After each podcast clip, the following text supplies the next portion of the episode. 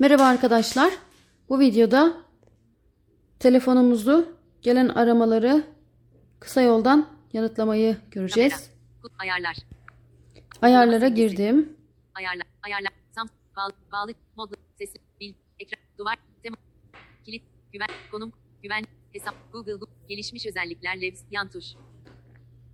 Bu uyarıyı duyduğumuzda gelişmiş özellikler levs ve yan tuş diyor. Tıklıyorum.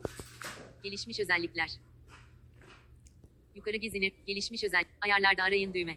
Ayarlarda arayın diyor. Şimdi yazma alanımız açıldı. A R A M A arama Y A N I T A Arama yanıtla. yanıtla yazdık Yukarı kısa yoldan Arama uğraşmamak için. Arama alanı. Diğer seçenekler. Sonuçlar. Arama ayarları. Arama yanıtlama ve sonlandırma. Arama yanıtlama ve sonlandırma diyor. Tıklıyorum. Arama ayarları. Yukarı gezinir. Arama. Yeni WhatsApp bildirimi WhatsApp. Arayan kimliği ve sip. Arayan kimliği ve sip. Bixby Texco. Arama arka pil. Arayanın bilgi. Arama uyarı. Arama yanıtlama ve sonlandırma. Hızlı reddetme mesajları. Arama yanıtlama ve sonlandırma. Tekrar buna tıklıyorum. Arama yön, Hız, arama yanıtlama ve arama yanıtlama ve sonlandırma. Arama yanıtlama ve sonlandırma. Yukarı gezi. Arama yan, arayan adını sesli oku.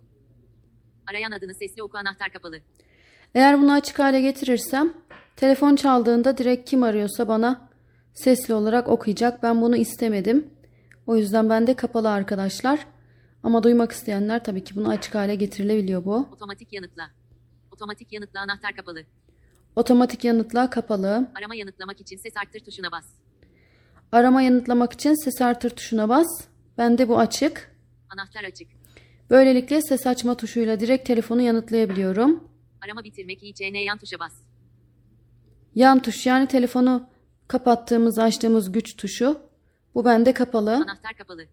Çünkü elim değiyor falan diye ben bunu Yukarı kapalı hale düğme. getirdim. Videomuz bu kadar arkadaşlar. Umarım yararlı olmuştur.